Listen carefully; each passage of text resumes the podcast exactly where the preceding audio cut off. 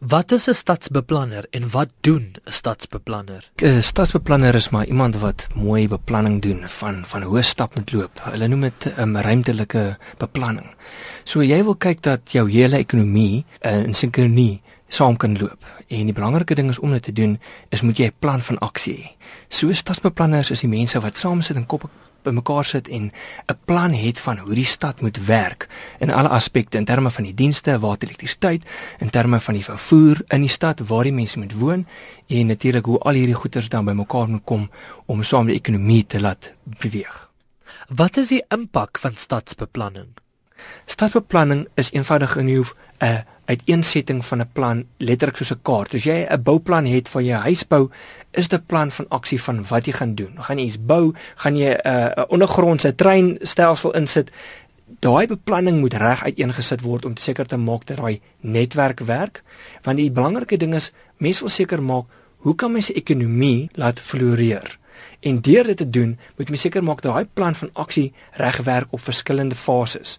Jy wil kyk ekologies, wil jy kyk dat jy natuurlik nie uh, besoedeling veroorsaak nie. Wat vang jy jou reënwater op wat wegloop en dit word nie benut nie? Ons kraggebruik, ons gebruik te veel krag. Ehm um, wat kan jy doen om besparing te doen? Jy weet as jy 'n plan van aksie het en jy vinnig genoeg is en jy sit uh besparingsligte in of jy kry vir jou son sonpanele op jou dak wat eenvoudig genoeg is jou uh, behoefte van Eskom af kleiner maak, dit sal dit baie makliker maak. Watter leefstyltendense wat voorkom in die samelewing beïnvloed stadsbeplanning? Soos die ruimtebeplanning wat gedoen moet word waar die verkeer van voertuie byvoorbeeld behanteer moet word is dit net so dieselfde met mense gesonde leefstyl waar daar byvoorbeeld 'n uh, fietsrybaan uitgesit moet word vir die mense om te beweeg maar ons sien byvoorbeeld hoe dit gebeur in in in Sandton waar dit hoofsaaklik ehm um, toegepas word en dan naby groot hubs rondom universiteite waar dit nou beheer toepas. Wat is die impak van tegnologie op stadsbeplanning in kort eenvoudig genoeg is as jy byvoorbeeld kyk na ehm um, Wi-Fi. Wi-Fi is eintlik op op op radiogolwe waar die goeders eintlik deurgestuur word op verskillende golwe waarin mense dan nie kan doen. Daar is baie keer natuurlik tegnologie gaan mekaar affekteer maar baie van hierdie goeders werk op dieselfde golflengte, beteken hulle kan saamwerk. So dis meer 'n sinergie van van 'n netwerk wat hulle eintlik doen. Dis dieselfde maar soos ook so 'n selfoonnetwerk waar hulle maar seker maak die goeders val oor mekaar dat jy die dat jy opvangs kan kry.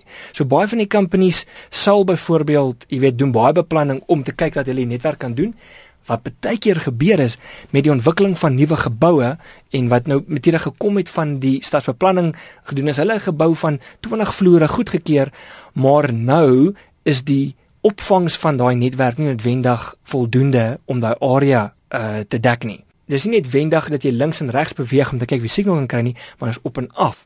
Hoekom kom sekere paaie reguit lyne voor in sommige stede en nie in anders nie? Kom ons sê vat New York City as hy gesien word as 'n projek. Toe hulle dit beplan het, het hulle gesien lysie so hulle wil op hierdie eiland wil hulle regtig nou 'n ongelooflike stad bou. Central Park was ongelooflike goeie idee geweest want hulle het geweet mense moet uit ook uitkom. So deel van die werk en die leef en al die goeders wat saamkom, het 'n goeie balans gespeel. So om die paaie um, reg te gesit het was eintlik 'n praktiese beplanning geweest van die tegnologie daai tyd was geweest om geboue vierkantig reg op boontoe op te bou en dis hoe dit was. Deesdae se tegnologie heeltemal anders. Ek meen die geboue wil al hoe hoër gaan, maar natuurlik begin hulle die geboue draai en hulle begin dit in verskillende shapes doen.